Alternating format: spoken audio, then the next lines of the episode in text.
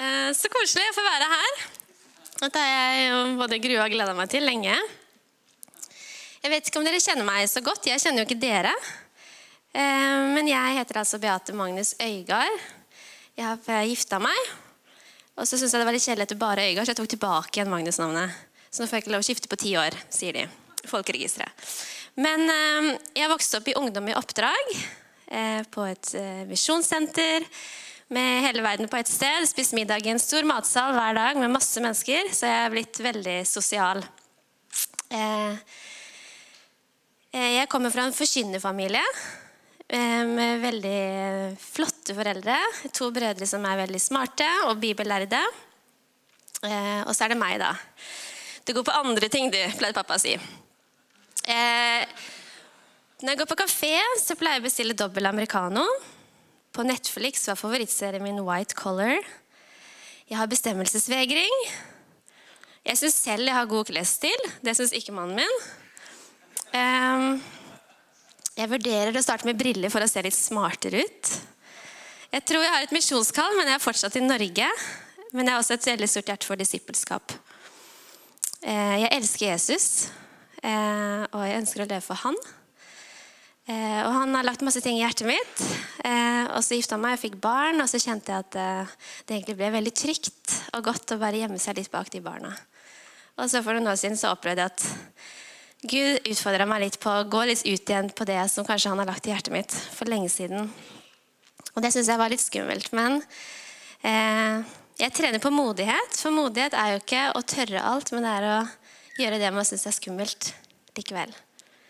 Så dette er en del av det. Så der er det meg. Jeg liker å snakke ærlig om livet. Men så liker jeg å utfordre. Fordi jeg kjeder meg veldig i kirka hvis jeg bare blir strøket med hårene. Vi kommer hit for å vokse med Gud, gjør vi ikke? Så I dag skal jeg snakke om et tema som jeg har fått av Knut, altså, så dere får skylde på han. Eh, men det er et tema som jeg tror veldig mange kristne sliter med. Eh, meg selv inkludert. Det er noe som veldig fort blir et punkt på en to do-liste som allerede er for lang. Det er noe vi kanskje føler at vi burde og skulle gjort. Noen har kanskje gitt tapt, gitt opp. Andre tenker at det er for de spesielt interesserte, eller de som jobber i kirka. I min sammenheng da jeg vokste opp, så kalte vi det TMG. Og det sto for tid med Gud. Er du av den eldre garde, så kaller du det kanskje andaktsstund. Eller eh, kanskje kaller du det alenetid, date med Jesus, bønn og bibel. Jeg vet ikke. Men eh, Jeg vet ikke åssen det er med dere, men jeg syns at det har vært en utfordring, eh, spesielt i epoker av livet, eh, å få til tid med Gud på en regelmessig basis. Um, det er lett å gå til Gud når jeg har kriser i livet, eller det er ting jeg trenger. Og det er helt supert. Men jeg tror det er mer, eh, mer for oss enn det. Og Når vi ser tilbake igjen på historien, så er jo det med å bruke tid med Gud eller i bønn og Bibel en helt grunnleggende og sentral praksis av kristentro. Har vært i alle tider. Og da tenker jeg at dette kanskje er noe som ikke går av moten. Og jeg tenkte å snakke litt om hvorfor jeg tror det er viktig. Det er to ting jeg absolutt ikke vil at det skal bli i dag. Og det er at det skal bli en sånn byrde av en sånn ting som vi kjenner at åh, er det enda mer vi skal prestere? Er det enda mer vi skal få til? Eh, for det er det ikke. Eh, og så har jeg ikke lyst til å komme med en fasit, for det har jeg heller ikke. Så hvis dere hører noe av det, så må dere bare lukke ørene. Og det er to spørsmål til oss. Eh, hvordan relaterer du til Gud? Og når relaterer du til Gud? Det kan dere tenke litt på. hva er tid med Gud, da? Jeg pleier å si til eh, barna mine at det er åndelig mat. For det har jeg lært. Og det sier jo Jesus også i Bibelen, at mennesket lever ikke av brød alene, men av hvert ord som går ut av min munn, sier Jesus. Um, og det Nå har jeg barn på fem, sju og ni. Og for noen år siden, når de var eh, ganske små, kjempeslitsomme, så så jeg det som sånn skalkeskjul at jeg kunne egentlig bare lukke meg inn på rommet og ha en kaffekopp. Og så sa jeg til barna mine vet dere hva, mamma må ha litt tid med Jesus. Det var egentlig for å slippe unna de, ikke sant? Men eh, eh, for at, eh, Vi lever ikke bare av det vi spiser, men ånden vår den trenger også føde. Så nå skal jeg be og lese litt i Bibelen. Problemet var jo bare at når de kom, så så de at jeg satt på Facebook og Instagram. Så da ble jeg enig med sønnen min om at eh, jeg skulle betale bot da, til han. 50 kroner hver gang han catcha meg. Så da gikk det litt bedre. Um, men det er ikke så lett alltid å få til dette her. Um, så jeg tenkte liksom på det når jeg er sulten. Jeg er veldig glad i mat. Jeg er veldig glad i å være sulten, for da føler jeg at det er liksom greit å spise. Eh, frokost er min favoritt. Um, og jeg har aldri, som jeg kan huske, ikke spist frokost. En periode så jobbet jeg på et hotell, og da sto jeg opp jeg tror det var klokka fire på natta. Eh, men jeg fikk fortsatt tid til frokost, fordi det var så viktig for meg. Jeg syns det er så godt, og jeg trenger det. Så begynte jeg tenke på sånn, hm, Kanskje det går an å tenke litt sånn om eh, åndelig mat også? Hvor mange dager, uker, måneder, år kan vi egentlig gå uten åndelig føde? Og hva skjer hvis vi går så lenge uten føde? Kan det hende at ånden blir underernært og slapp? Jeg vet ikke. Jeg synes det hadde vært veldig praktisk hvis man fikk sånn sultfølelse i ånden, sånn som man fikk fysisk. For det hadde vært mye lettere, tenker jeg, å be og lese Bibelen og henge med Gud. Um, og så begynte jeg kanskje, kanskje ånden har sulttegn? Jeg har aldri tenkt på det før. Men kan det være at um, sultsymptomer kan være mangel på fred og glede i omstendighetene våre? Det, vi, det er vanskelig for oss å ta gode valg og avgjørelser. At fristelsene overmanner oss. At vi mister perspektiv. At vi mister evighetsperspektiv. Eller at vi blir veldig selvsentrerte og materialistiske. Kan det kanskje være symptomer på at ånden vår er underernært og sulten? Jeg vet ikke, jeg bare stiller spørsmålene. Og så tenker jeg at eh, Noen amerikanere kaller det 'the secret place'. Det der stedet hvor vi er med Gud. At det egentlig ikke er noe vi skal gjøre, men det er et sted vi kan gå til. Og det syns jeg letter liksom byrden litt. Det er jo egentlig et sted vi skal komme for Hvis du leser i salmene, så sier David mye om dette The Secret Place. Der er han finner fred, der er han finner uh, trøst, der jeg finner beskyttelse, der jeg kan hente styrke, hente kraft.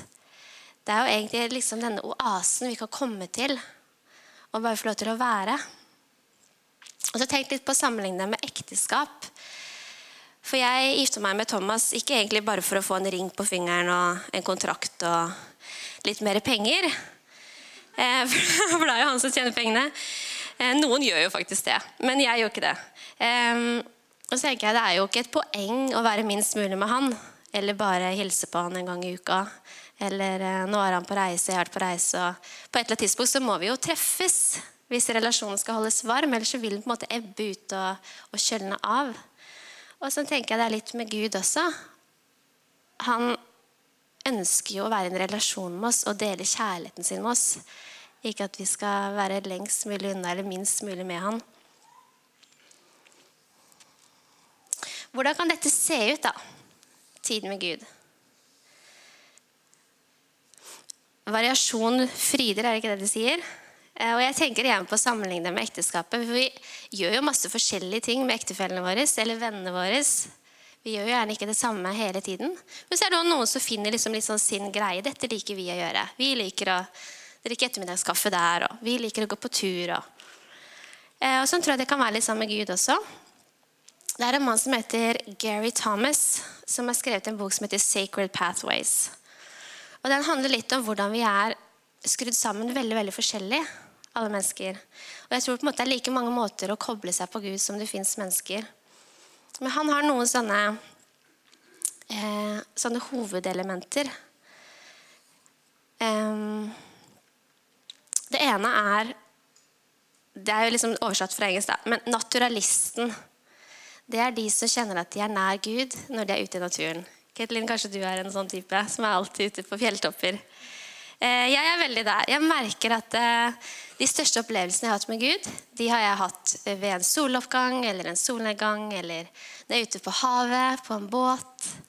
Jeg merker at Når jeg skal bruke tid med Gud eller lese Bibelen, så må jeg alltid sitte nærme et vindu, for da ser jeg ut. Og Hjemme så er det et problem, fordi eh, det er bare i stua at vi har sånn fin utsikt. Og da kommer jo, våkner jo barna mine altfor tidlig. ikke sant? Så da blir det sånn Nei, gå ut! Nå skal jeg bygge tid med Gud. og så, eh, ok, vent. Eh, god morgen! Vær så stille og leke nede? Fordi mamma må ha tid med Gud. Og jeg må se utsikt. Jeg trenger faktisk ikke å gå ut, men jeg må liksom se beauty. Jeg er visuell. Um, detaljer, skjønnhet, det er det som taler til deg. Eh, mange kobler med Gud på den måten. Og så er det noen som er mer relasjonelle. De føler seg nærmest Gud gjennom relasjoner relasjoner til andre. Og for de er det kanskje ikke en kjempegod idé å skulle piske seg selv til å sitte alene og lese Bibelen. Tenk på det På Jesus' tid så fantes det jo ingen som hadde noe tekst hjemme hos seg. De leste det kun i fellesskap. Og i veldig mange deler av verden i dag så har ikke folk Bibelen selv. Så de kommer sammen, de leser Bibelen sammen. Så for de veldig relasjonelle så kanskje det er lurt å koble med Gud i fellesskap. Og så de som har tjenester. Gir man oppgave og finner min plass.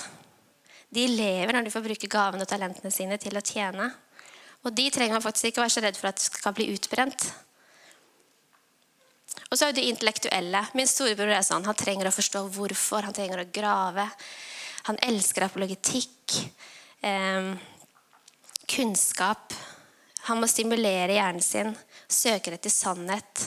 Da føler han seg nær Gud. De er kanskje de som sliter mest i kirka, fordi det ofte er litt sånn grunne svar. Så disse må vi ta ekstra godt vare på.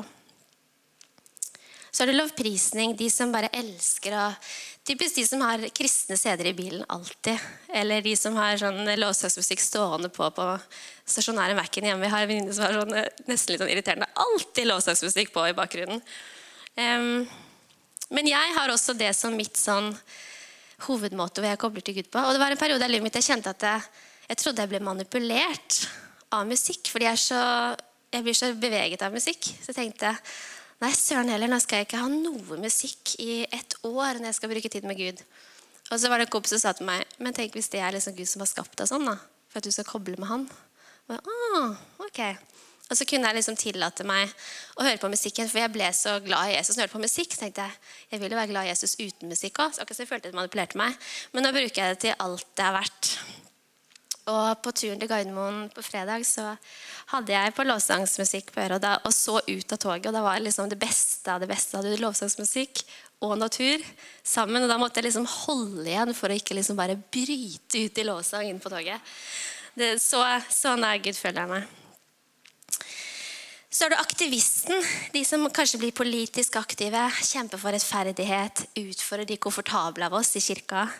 De elsker å drive mennesker til handling, ønsker om å endre verden. De kjenner seg nær Gud når de kan få operere innenfor dette. Og så er de kontemplative, som føler seg nær Gud når de kan få være helt alene i stillhet. De sniker seg vekk, finner seg et lite avlukt til å bare være med Gud. Det er veldig mange forskjellige måter vi kobler med Gud på. og jeg tror Det er nyttig å tenke litt igjennom det.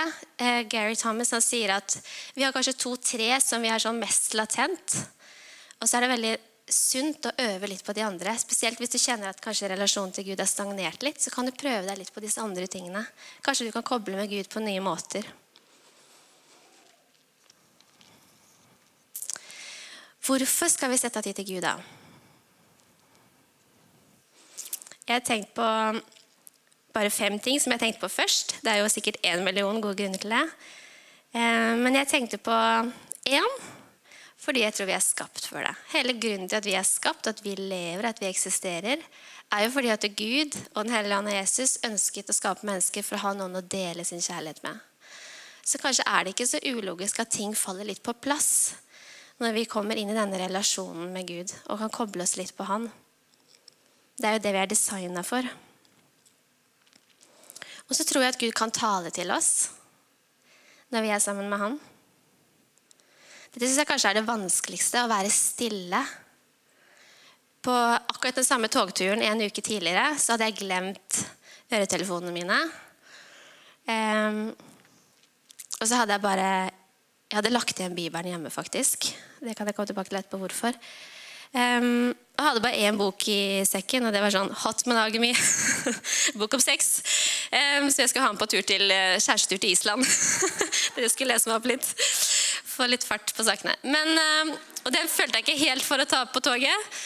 Um, og så kan jeg faktisk kjenne litt på Hvis Bibelen hadde vært i sekken, så hadde jeg kjent litt på at uh, det, det, koster faktisk litt å dra Bibelen på toget. Jeg vet ikke hvordan det er for deg. Men, så da satt jeg der bare med meg og tankene mine. Og kjente Det var skikkelig utfordrende. Jeg følte nesten sånn at jeg var sånn uproduktiv. Bare sitte på toget en hel time uten å gjøre noen ting. Eh, men da fikk jeg trent meg litt på det. Bare være stille. Eh, men det syns jeg er vanskelig. Men så taler ikke Gud heldigvis ikke bare i stillhet. Han kan tale gjennom venner, venninner, han kan tale gjennom naturen, han kan tale gjennom tanker, han kan tale gjennom sitt ord. Men det er spennende å oppleve at Gud taler til oss. Og jeg tror faktisk at han taler mye mer ofte enn det vi tror. Og så nummer tre Når vi bruker tid sammen med Jesus, så får vi kjennskap til Gud. Ikke bare kunnskap om han. Og så kan vi få erfare han. Vi kan få oppleve gjennombrudd i livet vårt. Um, det er én ting å høre andre mennesker fortelle om hva de har opplevd med Gud, eller hvem Gud er, eller hva Bibelen sier om Gud. Men når du kan få erfare, få de egne erfaringene selv, de er det ingen som kan ta fra deg. De eier du. Og bare i høst så hadde jeg låst meg liksom fast i en sånn tankemønster på noe som, som var litt kjipt på jobb. Og så var det en venninne som utfordret meg litt på det. Vet Du du må jo tørre å drømme litt. Du tenker bare innenfor boksen. Hvis Gud skal kunne gripe inn i livet ditt, så må du på en måte drømme og så må du si til han så gir han en mulighet til å gjøre det som ikke du kan gjøre. Og det er jo sånne ting vi vet, men jeg glemmer det av og til. Og så begynte jeg å tørre å drømme litt utenfor boksen og si Gud, egentlig er det jo dette jeg drømmer om, det er jo dette jeg lengter etter. Og så gikk det liksom en uke eller to, og så skjedde akkurat de tingene. Så kan man si det var tilfeldig, men jeg velger å tro at jeg ga rom for Gud til å virke i livet mitt fordi jeg henvendte meg til Han, og jeg ba om noe som var utenfor min makt. Og da kan vi få oppleve at Han virker i livet vårt, og da blir det spennende å være kristen. Og så nummer fire så tror jeg det svarer på vår dypeste lengsel når vi kommer inn i den intime relasjonen med Jesus. For er det ikke det vi egentlig alle lengter etter? Og er det ikke det som ligger under alt strev og kav, eh, som driver oss? Ønsket om å bli akseptert. Aksept. Det er det jeg lengter etter. Det er det jeg strever og styrer med. Kan ikke jeg bare få være god nok som jeg er? Være elsket for den jeg er, ikke hva jeg får til eller ikke får til? Og det finner vi egentlig bare hos Gud.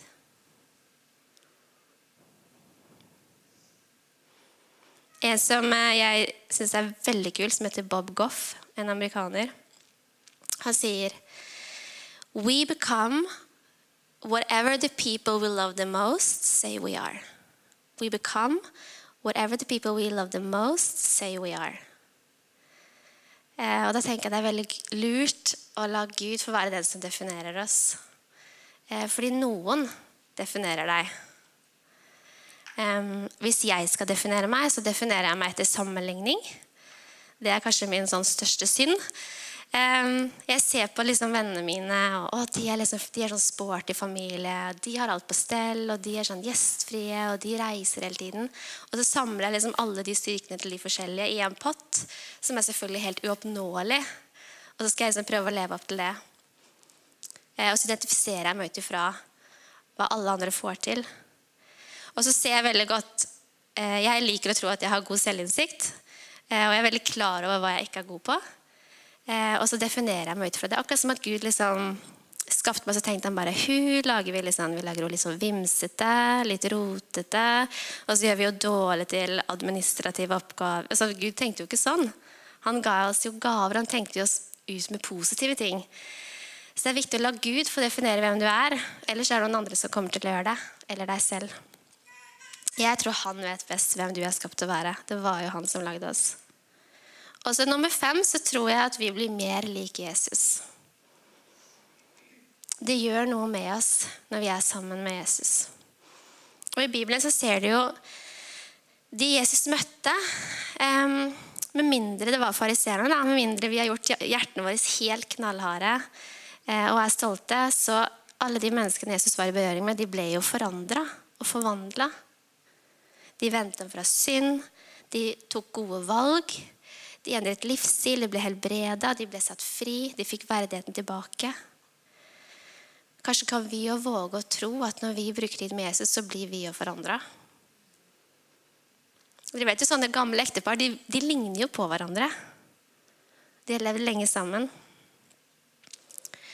Og I høst har jeg brukt mye tid sammen med Gud. Og det er jo flaks siden jeg skal komme hit og snakke om det. Kanskje det er derfor jeg klarte det, fordi i høst at jeg skulle hit og snakke. Whatever works. Men uh, i høst så har det funka. Jeg har fått inn en, en, god rytme på det. Og så har jeg, har jeg merka at, uh, at det har gjort noe med hjertet mitt. Fordi jeg er ikke egentlig sånn Jeg syns jeg er ganske empatisk, men jeg er ikke sånn som Jeg vet ikke. Um, vet ikke hvordan jeg skal forklare det. Men det er diverse mennesker som har uh, f.eks. opplevd veldig vanskelige ting og bedt om å be for det. Naboen min mista akkurat kona si, en gammel mann. Eh, og så merker jeg bare at eh, oi, nå går det inn på meg på en helt annen måte som jeg har gjort før. Jeg begynte å kjenne liksom Jesu hjertebank for disse menneskene. De som ikke kjenner ham på en helt annen måte. Og når jeg var på Island for eh, halvannen uke siden, så gikk jeg meg en bønnetur, og så kjente jeg plutselig at jeg begynte å be for Island. Og sånn er ikke jeg til vanlig, at jeg bare får et hjerte for et land eller hjerte for mennesker. Um, men jeg begynte å legge merke til at oi, det gjør faktisk noe med meg over tid. når jeg bruker tid sammen med Jesus. Jeg får mer hjerte for det han har hjerte for. Og det er veldig oppmuntrende. Og så tror jeg at eh, Bibelen er helt sentral. da. Jeg tror på en måte ikke vi slipper helt unna. Det er jo rettesnoren i livet. Det er der jeg finner sannheten om meg selv og hvem Gud er, og verden. Og det kan tale inn i livet vårt. Jeg har faktisk bare én gang opplevd at et sånt bibelvers har stått ut og talt til meg. Men noen opplever det jo hele tiden. At de skal slå opp i Bibelen, og så får de ord. Og så står det at Den hellige ånd skal minne oss på Jesu ord. Og jeg tenkt, Hvordan kan Den hellige ånd minne oss om noe hvis det ikke allerede er der? Eh, og det syns jeg er et poeng. Vi må fylle oss med Guds ord på en eller annen måte. I Kolosserne 3,16 så står det 'La Kristi ord få rikelig rom iblant dere'. Og så skal jeg bare slå et lite slag for noe som vi jo kaller journaling. Og det er sikkert ikke for alle. Men for meg så har det vært en kjempehjelp. Og det er eh, på godt norsk kalt eh, Hva heter det da? Dagbok, kanskje vi kan kalle det. For meg så hjelper det veldig å skrive. Fordi tankene mine vandrer veldig lett. Jeg vet ikke hvordan det er med dere, men Når jeg sitter og skal be, så begynner jeg heller å planlegge et bursdagsselskap eller tenke på den klesvasken som skulle vært satt på. Og så er det veldig vanskelig å finne fokus. Så det hjelper mine vandrende tanker. Og så hjelper det meg til å sette ord på ting. Sette ord på lengsler, smerte, drømmer. Og så er det utrolig spennende fordi når du har dokumentert hva du ber, hva du lengter etter, hva du strever med, så er det òg mye lettere å gå tilbake og se den veien du har gått og se hva Gud har gjort i livet ditt. For Hvor ofte har jeg vel ikke bedt og egentlig fått svar, men jeg vet ikke at jeg har fått svar fordi jeg har allerede glemt at jeg ba om det. Og Det er veldig trosbyggende å se at Gud har gjort ting i livet. Å, nå har jo det skjedd, det som jeg strevde med der, eller det som jeg ba om der, eller um, Gud har jo svart. Og det er litt sånn der, du vet, De kristne bildene med de der fotsporene i sanden. Dere har sikkert sett det. Det er litt sånn som det at Når vi er i det, så opplever vi kanskje at vi står helt stille. Hvor er Gud? Han er, virker langt vekke. Men når vi går tilbake og ser hva vi har skrevet ned, og hvilken prosess vi har vært i, så ser vi plutselig bare oi, Gud var jo der hele tiden, og han bar meg faktisk gjennom det. Eh, og I Mosebøkene, når israelsfolket skulle inn i det lovede landet, så sa Gud en del ting om at nå er det viktig når dere skal inn i dette landet, dere skal bygge dere hus, dere skal få jobb. Hverdagen, karusellen begynner å surre og gå. Da er det veldig lett at dere glemmer alt jeg har gjort for dere, sier Gud. Alt jeg gjorde for dere i ørkenen. Så husk nå på dette her. Lag dere liksom minne, eh, minnelapper, eller gjør ting som gjør at dere ikke glemmer hva jeg har gjort.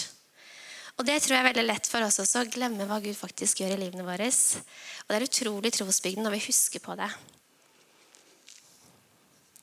Så det er en måte jeg syns har vært veldig hjelpsomt. Men uh, ærlig talt, når skal vi få tid til dette her? Uh, for det passer jo aldri.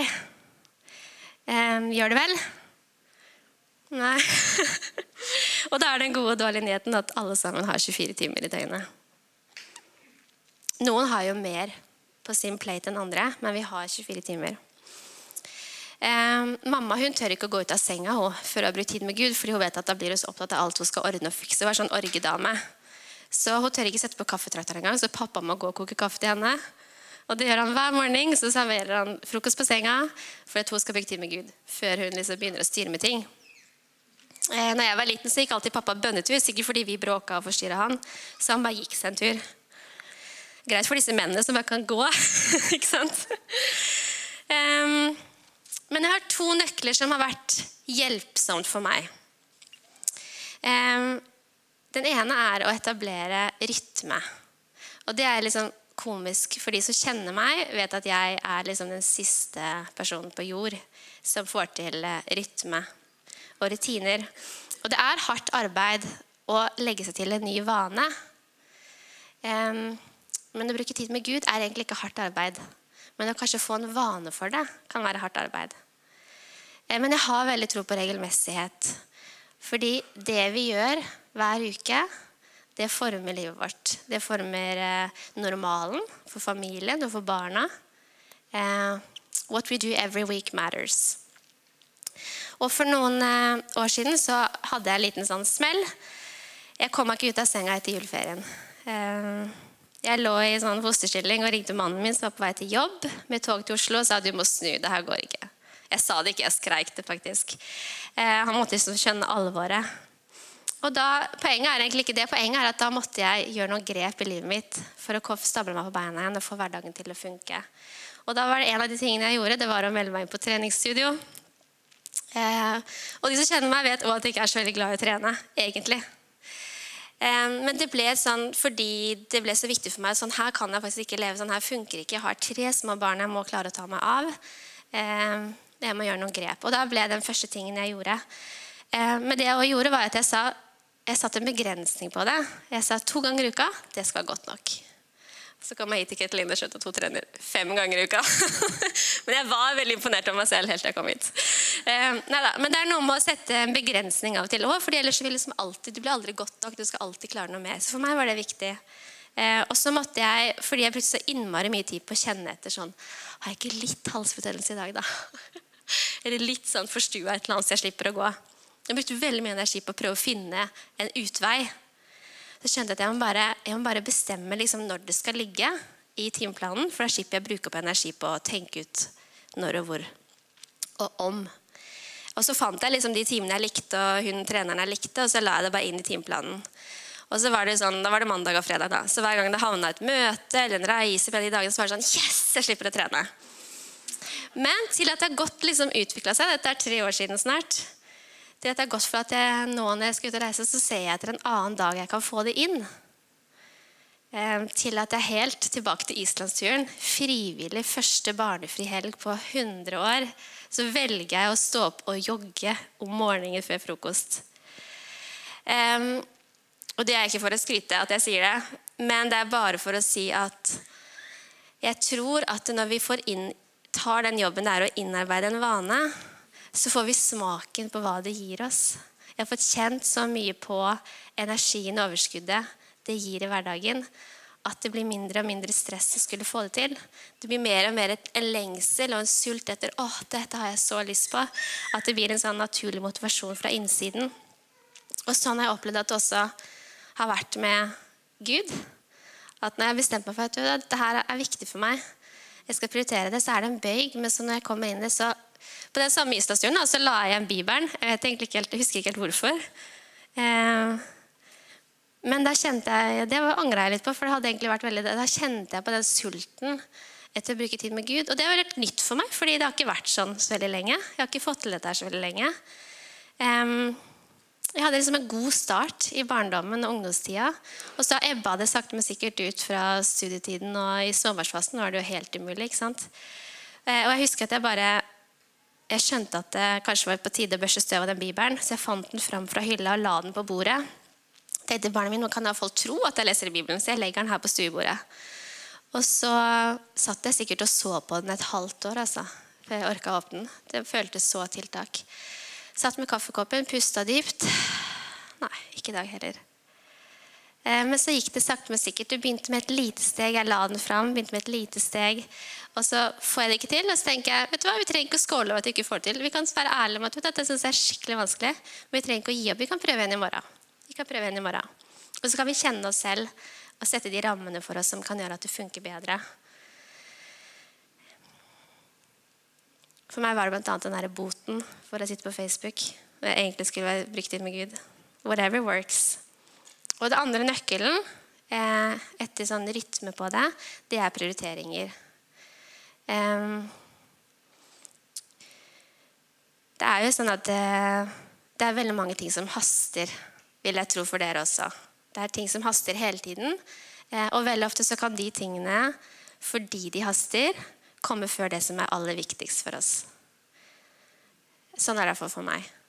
Eh, og til og med relasjoner med barna mine og mannen min, som jeg egentlig veldig, har veldig lyst til å være sammen med. Hvis ikke det er sånn knallhard prioritering, så forsvinner det i alt annet jeg skulle burde gjort. Eh, hver dag så må det være en sånn knallhard prioritering for å se dem og for å bruke den tiden som jeg egentlig vil med dem. Eller så blir det bare drukna i alt haster. Um,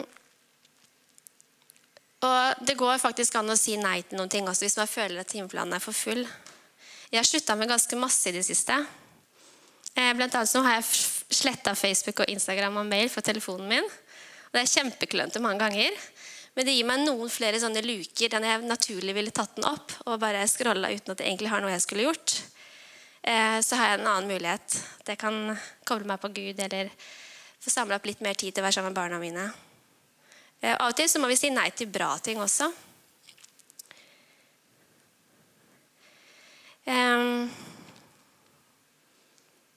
Det er jo heldigvis sånn at jeg kan føle når jeg går på trening hvis det er en dårlig time eller som ikke blir ordentlig svett, så kan jeg bli skikkelig irritert fordi nå har jeg sånn prioritert og brukt tid på dette her. Da skal jeg utbytte for det. Ehm, og når jeg bruker tid med Gud, så kan jeg føle noen ganger litt sånn det samme at dette her ga meg egentlig ingenting. Jeg føler at du er borte, Gud. Det er kjempetørt og kjempekjedelig. Jeg får ingenting ut av det. Men da er det godt å vite at når vi investerer tid i Guds rike, inviterer tid til Gud, eh, så er det alltid lønnsomt. Det er never a waste of time. Eh, det står Gud at Gud velsigner alltid tilbake, i mange fold. Og Noen ganger så hjelper det bare å ha ting i timeplanen. Jeg kjenner en mann som eh, har fast i timeplanen sin at han skal spise is kan du vurdere hvor sunt det er da, hver tirsdag med døtrene sine. Og han er en skikkelig sånn businessmann, har masse businessmøter. Men klokka fire hver tirsdag eh, så kan ikke han si ja til forskjellige businessmøter, fordi den er alltid okkupert. Og Det syns jeg er utrolig vakkert. Eh, og En annen jeg kjenner, han har sånn fast eh, middag med kona si klokka sju på tirsdager. Han reiser veldig masse, superbusy mann, han også. Eh, men da sier han aldri ja til en andre møter. Han må andre forholde seg til at da har han et annet møte. Han sier ikke hva det er, men det er date med kona. Og så tror jeg faktisk at vi alle, alle har muligheter til å prioritere hvis vi vil. Um, og for meg som er veldig sånn sånn, så er det veldig deilig å bare ha det fast i timeplanen.